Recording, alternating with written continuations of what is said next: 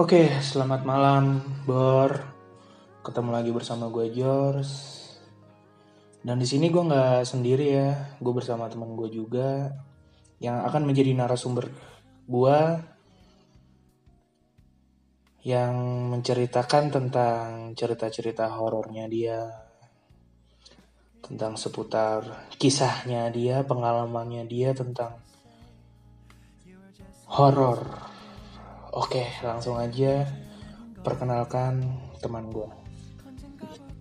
Ya, halo teman-teman dari pendengar setianya eh, George Podcast ini ya.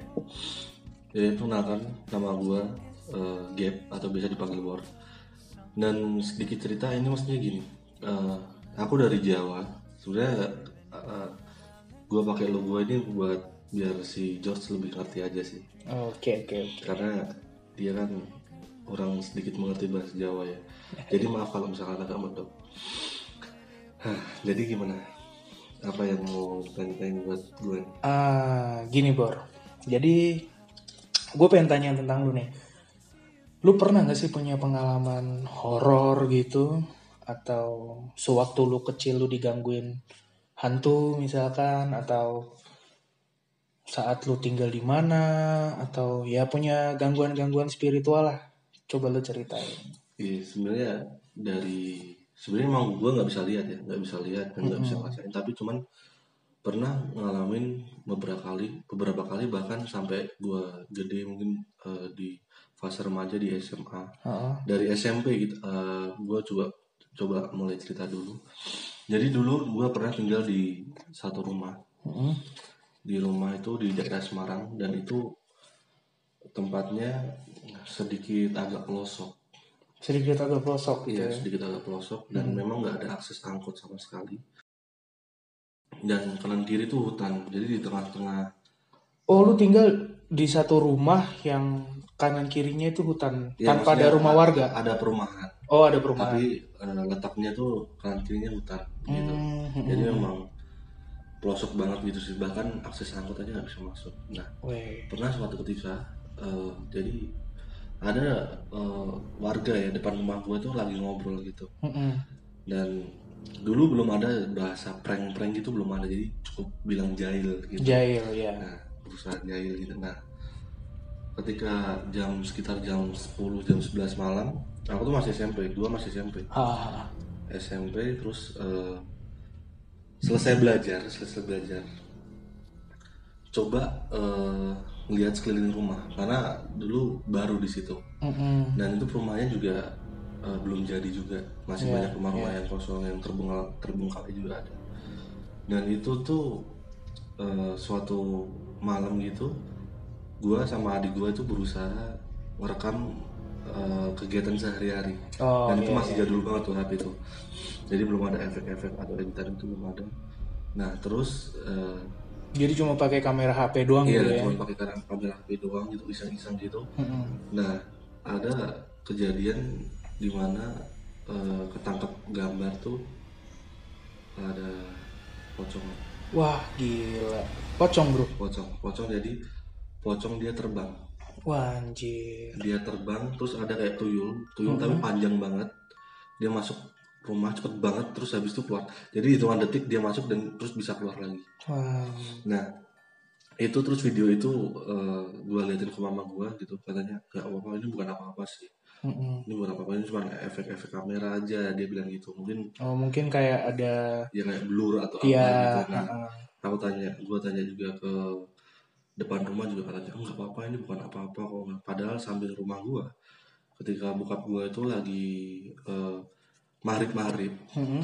gue selesai main bola di depan rumah gitu bokap gue coba cek coba cek di samping rumah tuh ada apa kok tiap kali kelinci masuk situ dulu eh, anak-anak perumahan gue tuh suka suka pelihara kelinci jadi Oh, kalau satu orang pelihara kelinci Ah, ah, semua jadi ngikutin, semuanya ya, harus. Nah, Ya. terus habis itu kenapa kok kelinci eh, setiap masuk rumah kayak eh, di dalam situ kok selalu hilang Oh. dan kata-kata eh, kata orang-orang dewasa di sana tuh eh, yang tiap kali masuk karena gue masih kecil ya. Ah, ah. eh, mereka masuk tuh bilang eh, kayak ada terowongan kayak ada terowongan di belakang sendiri Oh kayak ada pintu gaib Iya, lah misalkan gitu ya gitu. dan itu kayak terbuka di waktu eh, maghrib doang. Nah maghrib bokap gua tuh memang tuh rumah belum jadi gitu. Setengah jadi lah. Bokap gua bisa masuk pakai senter. Nah bokap gua lihat katanya ada orang gede banget nggak tahu orang wow. gendut atau apa nggak tahu sih. Jadi dia cuma bilang ada orang gede banget matanya merah gitu. wow dan ada suara mengrak Nah.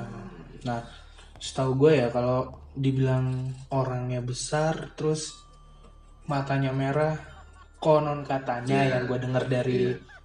orang-orang dulu atau orang tua gue dulu bilang itu sosok genderuwo gitu dan itu kalau setiap ada perwujudan genderuwo pasti bau kentang di bau kentang, ya bau di sekitar kita tuh ada bau kentang gitu ya oke lanjut Iya, terus eh, kenapa kok setiap kelinci ke situ kok selalu hilang gitu? Jadi pernah ada eh, samping rumahku, Heeh. samping rumahku tuh dia eh, pelihara kelinci. Nah, anaknya tuh main di situ. Heeh. Anaknya main di situ, katanya ngeliat kelinci yang awalnya kecil, lama-lama jadi gede, gede, wow gede, gede, gila gue gue merinding loh ini gue dengernya merinding gue cerita ini juga merinding gitu. nah, terus ternyata memang setelah di cross check eh, banyak rumah-rumah kosong di situ yang memang katanya berhantu dan itu ada satu satu gunung di belakang perumahan tuh gunung batu. Gunung Batu Jadi gunungnya tinggi banget kalau ngeliat secara langsung dari bawah itu karena gue pernah ke sana Mhm. itu kayak kota. Wow Nah, bentuk konon katanya warga sekitar itu dari zaman wayang nggak tahu sih benar apa zaman wayang Iya. Nah, gunung itu gunungnya gede banget sih, gede, tinggi, tinggi banget. Dan bahkan mau ke puncaknya aja pasti susah karena batu semua. Bener-bener batu semua. Nah, terus anehnya di atas gunung itu ada kuburan.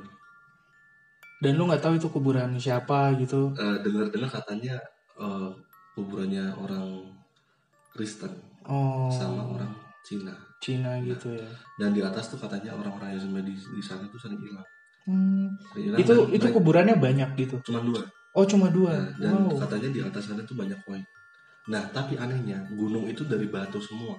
Wih, Dari batu bener-bener nggak bisa dinalar. Batunya itu bukan batu kerikil, batu yang batunya bener-bener batu alam yang batu alam yang besar besar gitu ya yang bener-bener nggak harus di apa namanya harus di eh, pahat-pahat dulu Mm-mm. baru bisa jadi jalan gitu. Nah, pertanyaan gue jadi eh, kayak gini. Eh, gimana cara orang ngubur di sana betul juga sih gitu dan sedangkan naiknya aja untuk Nah. kita yang jalan kaki misalkan untuk trekking aja itu susah gitu ya apalagi medannya seperti itu Iya. gitu kan dan gue juga punya temen yang nggak nggak deket sih jadi Mm-mm. uh, misalkan gue ada temen nah temen gue itu punya temen Mm-mm. Nah suatu ketika tuh uh, di situ ada danau kecil eh buat buat apa namanya buat cuci uh, para orang-orang yang ambil batu di situ. Oh. Cuci atau bersih bersih badan setelah mereka kerja. Heeh. nah di situ tuh ada yang tenggelam. Wih. Jadi kayak lumpur hisap gitu. Lumpur hisap dan airnya meninggal mati. Dan jasadnya ditemukan atau Enggak. enggak enggak Enggak, ditemukan? enggak ditemukan. wow. Dan di situ katanya udah seribu lebih mayat yang di situ yang bahkan bos mandornya aja yang kerja di situ mati Hmm. gara-gara eh, ketimpa batu runtuhan batu. Waduh. Serem juga ya. Iya itu di salah satu dulu zaman gua SMP Mm-mm. di Semarang. Dan masih ada masih ada cerita lagi. Zaman gua SMP Mm-mm. itu di mana itu? SMP lu di mana SMP gue ada di Semarang juga oh di Semarang juga berarti lu dari kecil memang di Iya, Semarang ya Iya di Semarang. Nah, ada satu hal lagi waktu eh, kita lagi mudik lebaran, mudik lebaran, Mm-mm. kita tuh eh, pulang ke salah satu rumah yang itu buat eh, kumpul warga, eh, keluarga, kumpul keluarga gitu. kumpul Jadi, keluarga Iya, rumah keluarga besar lah katakan. Nah itu di eh, di pinggir jalan di daerah Salatiga, di pinggir jalan. Jadi pinggir jalan persis yang eh, saudara-saudara gue, tetangga-tetangga gue tuh bilang eh, di sini sering ada kejadian kecelakaan gitu. Mm-mm. Nah konon katanya dari zaman dulu banget waktu mama kecil, mama gue kecil itu rumah itu sering buat nampung orang kecelakaan nampung orang kecelakaan mau Iya. mau meninggal atau nggak meninggal ditaruh di depan teras saja. Oh. Nah suatu ketika ketika gue masih SMP gue suka banget dulu nonton eh, di internet tuh primbon Primbon, ya Hmm, dulu gue juga iya. sempat dapat primbon. primbon primbon gitu yang ada Ah. gambar-gambar hantu Ya. tiba-tiba waktu gua foto bukan selfie dulu masih belum ada kamera depan Mm-mm. jadi pakai kamera belakang dibalik handphonenya Ya. nah eh, selfie gitu terus ternyata di belakang ada anak kecil nunjuk ke arah gua sama manusia api manusia api tuh kayak Oh, kayak banaspati gitu ya. Iya semacam kayak gitu tapi bentuknya orang Bentuknya Gitu. orang. kalau misalkan banaspati itu kan Bentuknya katanya kayak bentuknya ob- bola ya Iya, bola-bola kayak api gitu. bola-bola api gitu. nah itu bentuknya mirip banget kayak Ghost Rider tapi orang Wow. seketika, seketika itu gue tanya sama tante gue ini foto siapa di sini Mm-mm. karena anak-anak kecil, kecilnya cuma aku bertiga gitu gue kakak gue kakak sepupu sama adiknya dia gitu Mm-mm. nah terus katanya ada yang bilang bude gue ada yang bilang ini "E, ini mungkin anaknya si tante Ayu yang keguguran Hmm. dia bilang karena tante gue pernah keguguran Oh, tante lu pernah Iya, keguguran. Nah, terus eh, nggak lama kemudian setelah ditanyain lampu mati Wih, creepy banget anjay. Nah, gue gue paksain tidur. Gue paksain tidur, nggak bisa. Terus nunggu lampu nyala kan, gue nunggu, nunggu lampu nyala, lampu udah nyala. Nah, terus gue tidur di eh, ruang TV. Ya, Nah, dulu tuh ngumpul di ruang TV, ngobrol-ngobrol habis itu ketiduran. ya. Nah, sekitar jam subuh gue bangun. Gue bangun tuh eh, lihat di tangga Hmm. itu di situ ada patung-patung Lea, patung-patung gitu. Oh, patung-patung baru. Lea. Iya, Oh. patung-patung dari Bali gitu. Yang suka apa sih maksudnya koleksi itu Ah, itu siapa? itu eh, bude gua Oh, Bude iya lu. bude gua jadi ada patung-patung kayak gitu nah waktu gue masih kecil tuh kan nggak tahu ini halusinasi masa kecil gue atau bukan Hmm. jadi dulu itu gue bangun tidur sekitar subuh gitu bangun tidur melihat ke arah tangga tangganya tuh gelap banget karena memang gak ada lampu Memang nggak dikasih lampu iya gitu memang ya. nggak dikasih lampu dan itu tangga-tangga tua banget yang bukan keramik jadi pakai masih Kayu pakai ya? semen Oh, masih pakai semen semen. yang semen-semen gitu Ha-ha. kan terus gue lihat ada eh, nggak tahu itu makhluk halus atau bukan. Warnanya hijau semua. Wih, nah terus di kepalanya ada tanduknya satu. Kolor hijau kah atau nggak tahu itu. Terus tahu dia ya. bawa kucing. Wih, bawa kucing. Nah terus gue teriak dong mah mah mah ada apa ini? Satu satu keluarga pada ngumpul. Mm-mm. nah terus pas dilihat memang nggak ada.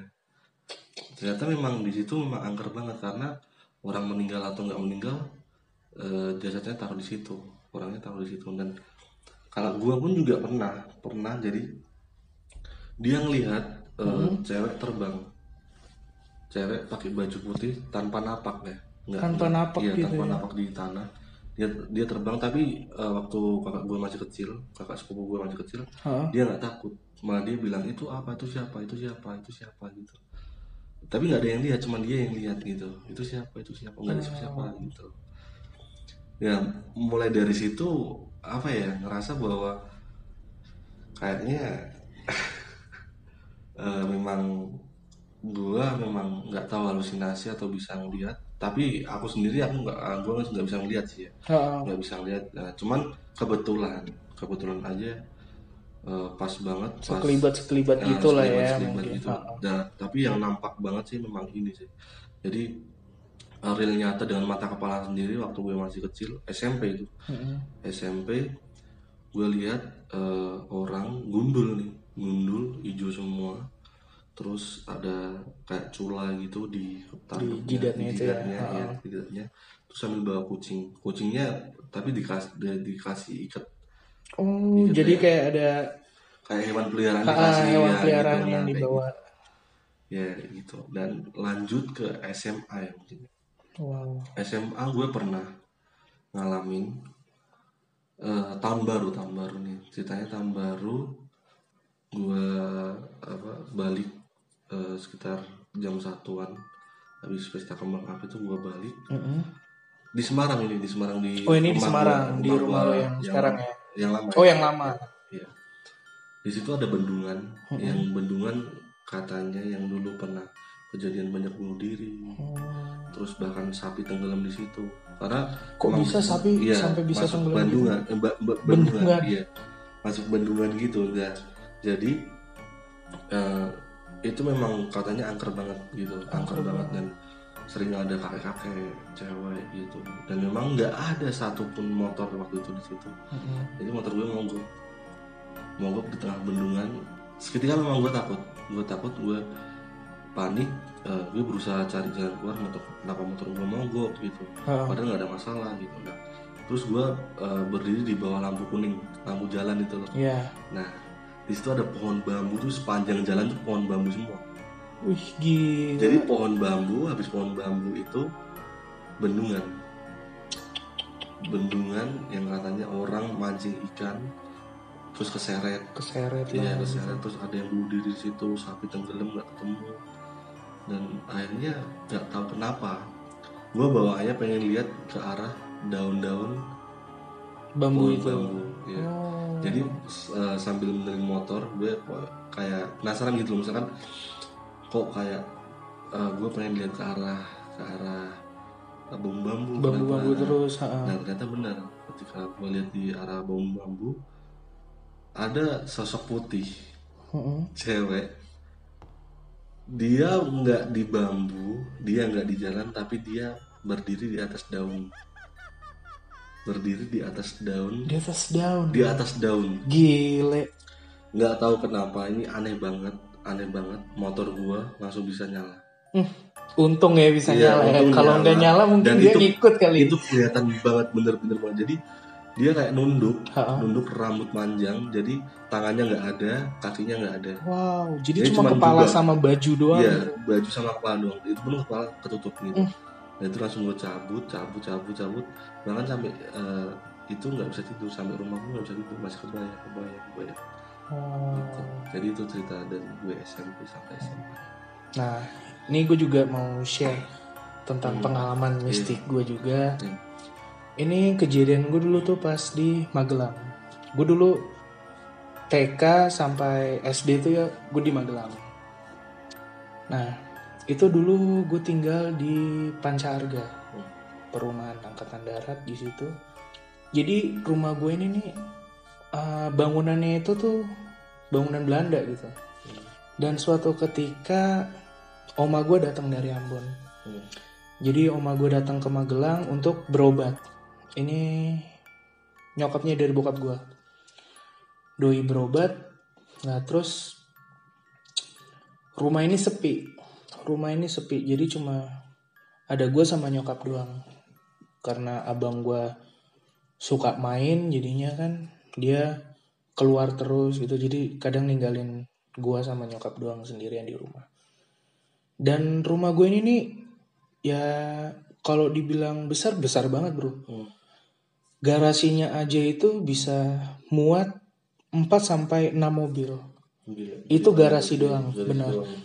dan halamannya itu tuh besar jadi rumah gue itu uh, gerbangnya ada dua gerbang masuknya gerbang pertama untuk masuk ke halaman teras depan terus gerbang kedua baru masuk ke belakang dan itu langsung tembus ke garasi nah di rumah gue ini nih ada satu pohon gitu jadi kayak lu tahu pohon ini gak sih jambu monyet gitu Oh, iya. Ya, dan ini nih udah tua banget.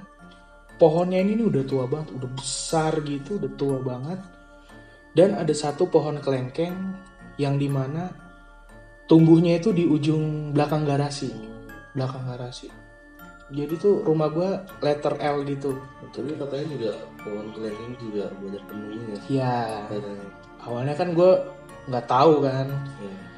Nah, setelah itu nyokap gue ini nih, dia tuh pas ngelahirin gue dia mati suri. Hmm. mati suri karena ya gue lahir bobot gue terlalu berat mungkin ya nah akhirnya nyokap gue mati suri dan dia bisa ngelihat hal-hal yang sensitif dengan hantu gitu loh nah suatu ketika ketika nenek gue dirawat di rumah sakit dan itu ditemenin sama kakak gue nah di rumah cuma gue sama nyokap.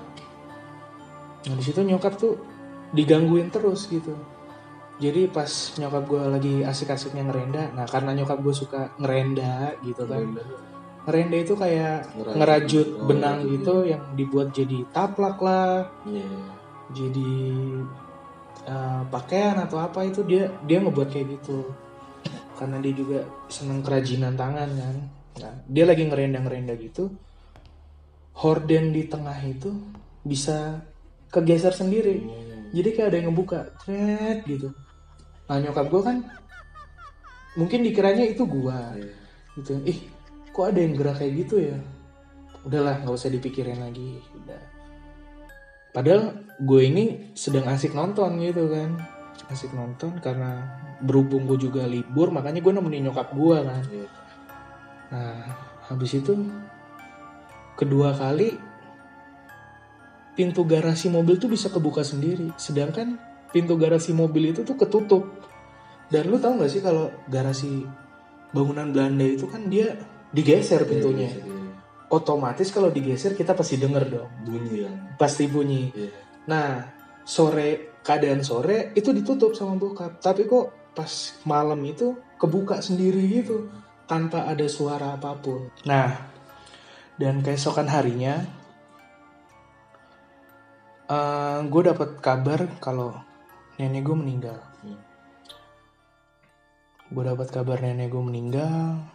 Di situ ya otomatis pasti shock lah ya. Iya. pertama gue masih kecil juga. Gue masih seneng senengnya deket sama nenek gue dan tiba-tiba kok gue taunya dia udah meninggal aja gitu Iya. sedangkan pas saat gue kecil itu gue taunya dia tuh sehat gitu loh dia datang Iya. dari Ambon cuma buat ngeliat gue gitu dalam arti kayak wih nenek gue datang nih mungkin nenek gue pengen lihat gue perkembangan gue seperti apa gitu kan nah setelah beberapa minggu nenek gue udah nggak ada ada kejadian aneh di mana temennya abang gue dulu main di rumah gue main di rumah abang gue juga. Nah dia tuh pengen ke kamar mandi belakang. Dia mau numpang ke kamar mandi belakang.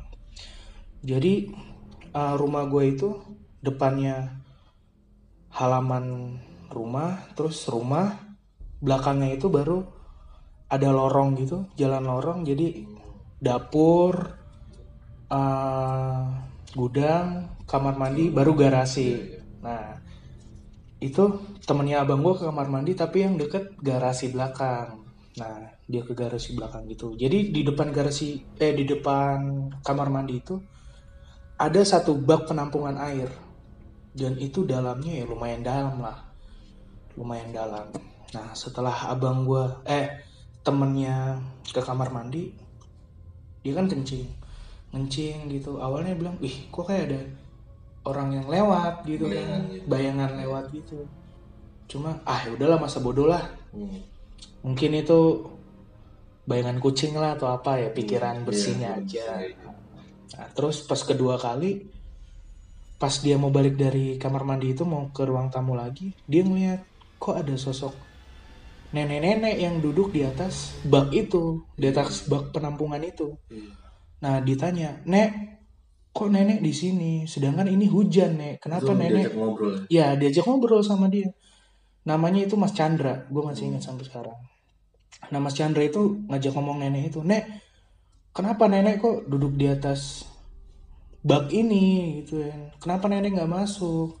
Sebentar aku panggilin Vicky dulu. Nah Vicky itu kan abang gue Nah, terus dia ngomong lah Vic lu kok gitu banget sih sama nenek lu kenapa nenek lu kok duduk di atas bak mandi eh bak penampungan itu dan lu nggak suruh masuk? Sedangkan dia kehujanan di situ. Lah terus? Merinding gue sama gue juga merindingnya lah si Vicky ini kan dia ngomong loh nenek gue tuh udah meninggal gitu. Nah si Chandra ini kan nggak percaya dia nunjuk. Lah terus itu apa? Pas ditunjuk itu dilihat loh kok nggak ada? Gitu kan kan. Loh kok nggak ada lah terus abang gue bilang eh mungkin lo halusinasi kali gitu kan. mungkin lo halusinasi kali atau lo mungkin kecapean. Ya udah akhirnya si Mas Chandra ini nih balik dia. Dia pulang. Nah keesokan harinya kita sering banget tuh dapat gangguan dari kursi yang kegeser sendiri kayak ada orang lagi nyuci baju segala macem lah nah mama ini kan paling sensitif banget soal begituan kan? Soal hal-hal yang bau mistis gitu jadi mama ngomong lah ke papa pak di rumah ini nih kayaknya nggak beres deh. Loh kenapa nggak beres? kata papa. Terus mama bilang kita tuh setelah mama meninggal kok nggak ada mama maksudnya itu mamahnya papaku iya, iya. gitu kan setelah mama meninggal kok rumah ini kok jadi kelihatan asing gitu ya. Kita tuh selalu digangguin entah kursi yang kegeser sendiri orang yang lagi nyuci. Oh tradisi deh. Ya seperti itulah. Nah terus mama iseng lah manggil pendeta. Hmm. manggil pendeta udah didoain segala macam rumah itu. Udah bu ini udah aman. Ke pendetanya seperti Iya. itu oke lah sehari dua hari tiga hari itu nggak ada gangguan sama sekali oh kita pikirnya oh ya udah berarti memang udah nggak ada nih Iya. ya kan dan ketiga kalinya itu mobilnya abang gua VW Kodok Hmm. itu kalau nyala kan kita harus dorong dulu nih Iya, iya. nyalain kita harus dorong dulu karena akinya juga udah soak kan ini mobil bisa nyala sendiri gitu bisa nyala sendiri di dalam garasi. Dan kita kaget kan uh kok ini keadaan malam loh? Padahal biasanya didorong kalau misalnya. iya biasanya didorong. Loh kok ini kok bisa nyala gitu kan? Akhirnya ya udahlah padahal kunci aja dipegang abang gua gitu loh. Ini mobil nyala dari mana? gitu. Nah mama iseng nih bakar ban. Hmm. bakar ban tapi di pohon kelengkeng di belakang. Itu ada gagak men. Burung gagak bisa kabur dari pohon kelengkeng itu. Bisa kabur dari pohon kelengkeng itu terus mulailah kala jengking pada keluar segala macam. Lo mama kan takut kan? Mama takut terus mama telepon papa papa aku kok bakar ban di belakang eh, di dekat pohon kelengkeng itu kok tiba-tiba gagak pada kabur udah gitu.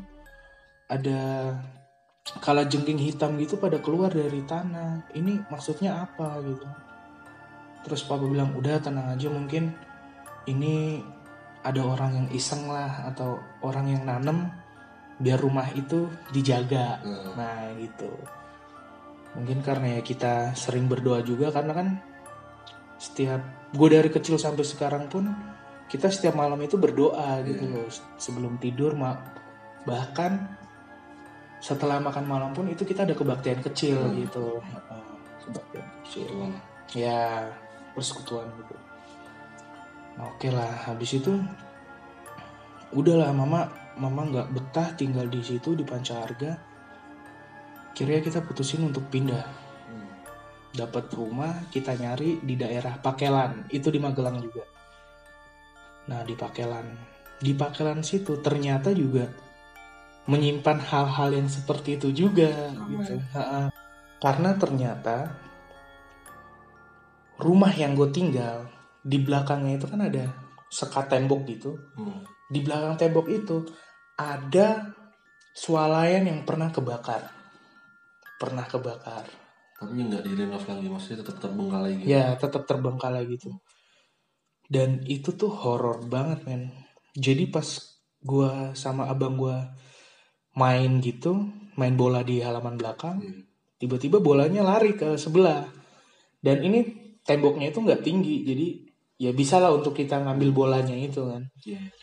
Nah pas kakak ngeliat gini, wih, ol ol, ayo coba lu ngeliat ini, ngeliat rumah ini kayaknya serem banget deh. Terus kan memang ada tangga juga, bang gue nyediain tangga buat ngambil itu bola. Nah gue ngeliat lah, wah iya ternyata rumahnya serem juga. Nah pas kayak gitu, ada orang nih, ternyata ada mbak-mbak gitu. Di situ dia duduk nangis doang dong. Dia nangis gitu. Ih itu siapa? Kan gue gituin. Kak itu siapa lah? Terus kakak gue kan kaget kan. Wih udah lah ayo ayo turun turun. Ayo turun. Udah mending bolanya dimin aja deh. Udah biarin aja. Biar masuk di kebun situ aja. Dan ini kebunnya ini nih eh, gimana ya? Nggak kerawat gitu. ya nggak kerawat gitu loh. Udah kayak hutan men. Iya, iya. dia udah kayak hutan gitu. Ya udah. Terus keesokan harinya kita ke gedung itulah kita ke gedung yang kebakaran itu. Ternyata di situ ada orang gila yang tinggal di dalam situ. Orang gila yang tinggal di dalam situ. Dan anehnya setiap siang dia kalau ngobrol sama kita bisa. Maksudnya Oh, nyambung. Dia Iya. nyambung. Tapi kalau malam dia bisa kayak ketawa-tawa sendiri yang ngebuat gila ya yang ngebuat kita tuh jadi takut gitu loh. Iya, wah apakah ini penampakan atau ini hantu atau apa? Kan kita nggak tahu kan Iya benar. nah sekali dua kali kita masih ketemu. Tapi setelah itu kita dapat kabar gitu loh maksudnya masuk di koran gitu. Kita dapat dari media cetak gitu. Dengar bahwa ada satu wanita gantung diri di belakang gedung yang hancur itu men di belakang rumah gue itu tuh yang lu lihat itu. dan yang itu yang gue lihat Iya. dan itu pengalaman gue yang paling creepy banget sih menurut gue karena Maksudnya lu setelah tahu kalau eh ini cewek yang gue lihat kemarin gitu reaksi lu gimana? Hmm, wah itu itu gue langsung kan nggak nyangka gitu loh gue bilang loh sampai gue ngomong ke nyokap mah ini kan orang yang aku sama kakak negor gituin kok dia gantung diri di belakang gituin ternyata ada mayatnya bro di belakang. Anjir. dan itu udah satu bulan lebih atau ya mungkin lama lah. Udah Baru lama lah. gitu. Ah, dan itu nggak ada baunya sama sekali. Bau bangkainya tuh nggak ada gitu loh. Bangkai manusia itu nggak ada baunya sama sekali. Jadi nggak ada yang tahu kalau ternyata cewek yang gue maksud itu yang dia gila itu Oh, Ternyata udah diri. gilanya itu cewek sebenarnya. ha cewek nah abang gue iseng lah nanya ke warga sekitar ternyata itu cewek itu yang punya milik swalayan itu Oh, dia stres dan dia gila gara-gara kebakaran. tokonya kebakaran gitu bro makanya ya setiap teman-teman juga pasti punya lah hal-hal yang mistis Iya. gitu ya Dan lu tau gak sebenarnya Heeh, di studio kita bikin podcast ini. heeh, Jadi pernah gue sebelah kan kamar gue. ya Jadi pernah gue malam-malam waktu sendirian waktu si temen gue itu keluar sama teman-teman yang lain. heeh, Nah gue tuh sekitar jam setengah sebelas. Setengah sebelas tuh gue eh, apa nonton YouTube. ya Nah di depan tuh ada bapak-bapak nongkrong gitu sambil Iya. rokok gitu kan. Nah, gue nonton YouTube nggak pakai earphone gue. Nah, cuman biasa. Tiba-tiba ada suara cewek nangis wow di sini di depan kamar mandi wow di dapur gitu kan. Nah sedangkan dapur lu ini di sebelah sini iya di sebelah gitu. terus itu. Nah terus gue tuh pause YouTube-nya gitu. Heeh, kok ada suara cewek nangis gitu tak pikir tetangga sebelah atau tetangga belakang gitu karena kan rumahnya kan demet-demetan gitu kan model, Ha-ha. model rumah gitu kan terus lah gue lanjut nonton lagi lah Ya, terus gue cek lagi keluar Hmm. bapak nongkrong nggak ketawa ketawanya juga kayak Beda orang ya? beda banget Hmm. gitu suara cowok cewek nah, terus gue diemin nah terus dua hari kemudian eh, gue pindah ke ruang TV ruang TV gue nonton YouTube juga Eh, gue nonton komedi-komedi gitu nah gue ketawa-ketawa gitu kan heeh. pintu gue buka nah tiba-tiba tiba-tiba tuh ada suara kayak gini Wih, Gitu. itu dan itu suara cewek. dan itu suara cewek tapi Wow, nggak nggak yang gokil. Gitu kan Ini gue gue merinding Iya, gue loh. juga merinding gitu ya. apalagi gue tinggal di sini kan Ya itu. terus eh, kemarin pas sempat ngeronda itu gue eh, cerita sedikit sama bapak-bapak gitu. Terus wah saya pernah diganggu situ pak. Wah di mana mas? Di depan itu ya? Di depan kamar mandi ya? Di depan dapur ya? Oh, berarti memang bapak-bapak di sini juga udah tahu Nggak gitu ya. apa suara cewek nangis gitu? "Oh, kok tahu pak? Gitu. Mm-mm. ya itu udah biasa dua tahun yang lalu juga kayak gitu. Ternyata ini udah kosong dua tahun. Ini rumah Oh, udah dan ini baru lu tempatin lagi iya baru tempat gue tempatin lagi. Terus teman gue Mm-mm. teman gue itu dia juga Yang ngerasain- serumah sama lu. Iya, dia ngerasain hal yang sama juga pas gue lagi di tempat kerja gue. Mm-mm. Dia eh, sambil dengerin pakai earphone gitu, dia nonton nonton YouTube gitu. Nah, dia diketawain Wih. sama dengan suara yang sama gitu. Dengan suara yang Iya, sama dengan ya. suara yang sama, dengan nada yang sama. dan tipe ketawa yang sama gitu Tapi wak- waktunya itu nggak nggak mesti dalam dalam arti kayak jam 10 dia bakal ketawa gitu. Enggak ya, dia waktu itu jam setengah delapan jam delapan. Wih, gila. masih pagi kan. Nah terus eh, dia sambil buka earphone-nya itu dia dengerin apa sih ini? Terus dipasang lagi dia ternyata ada chat ketawa.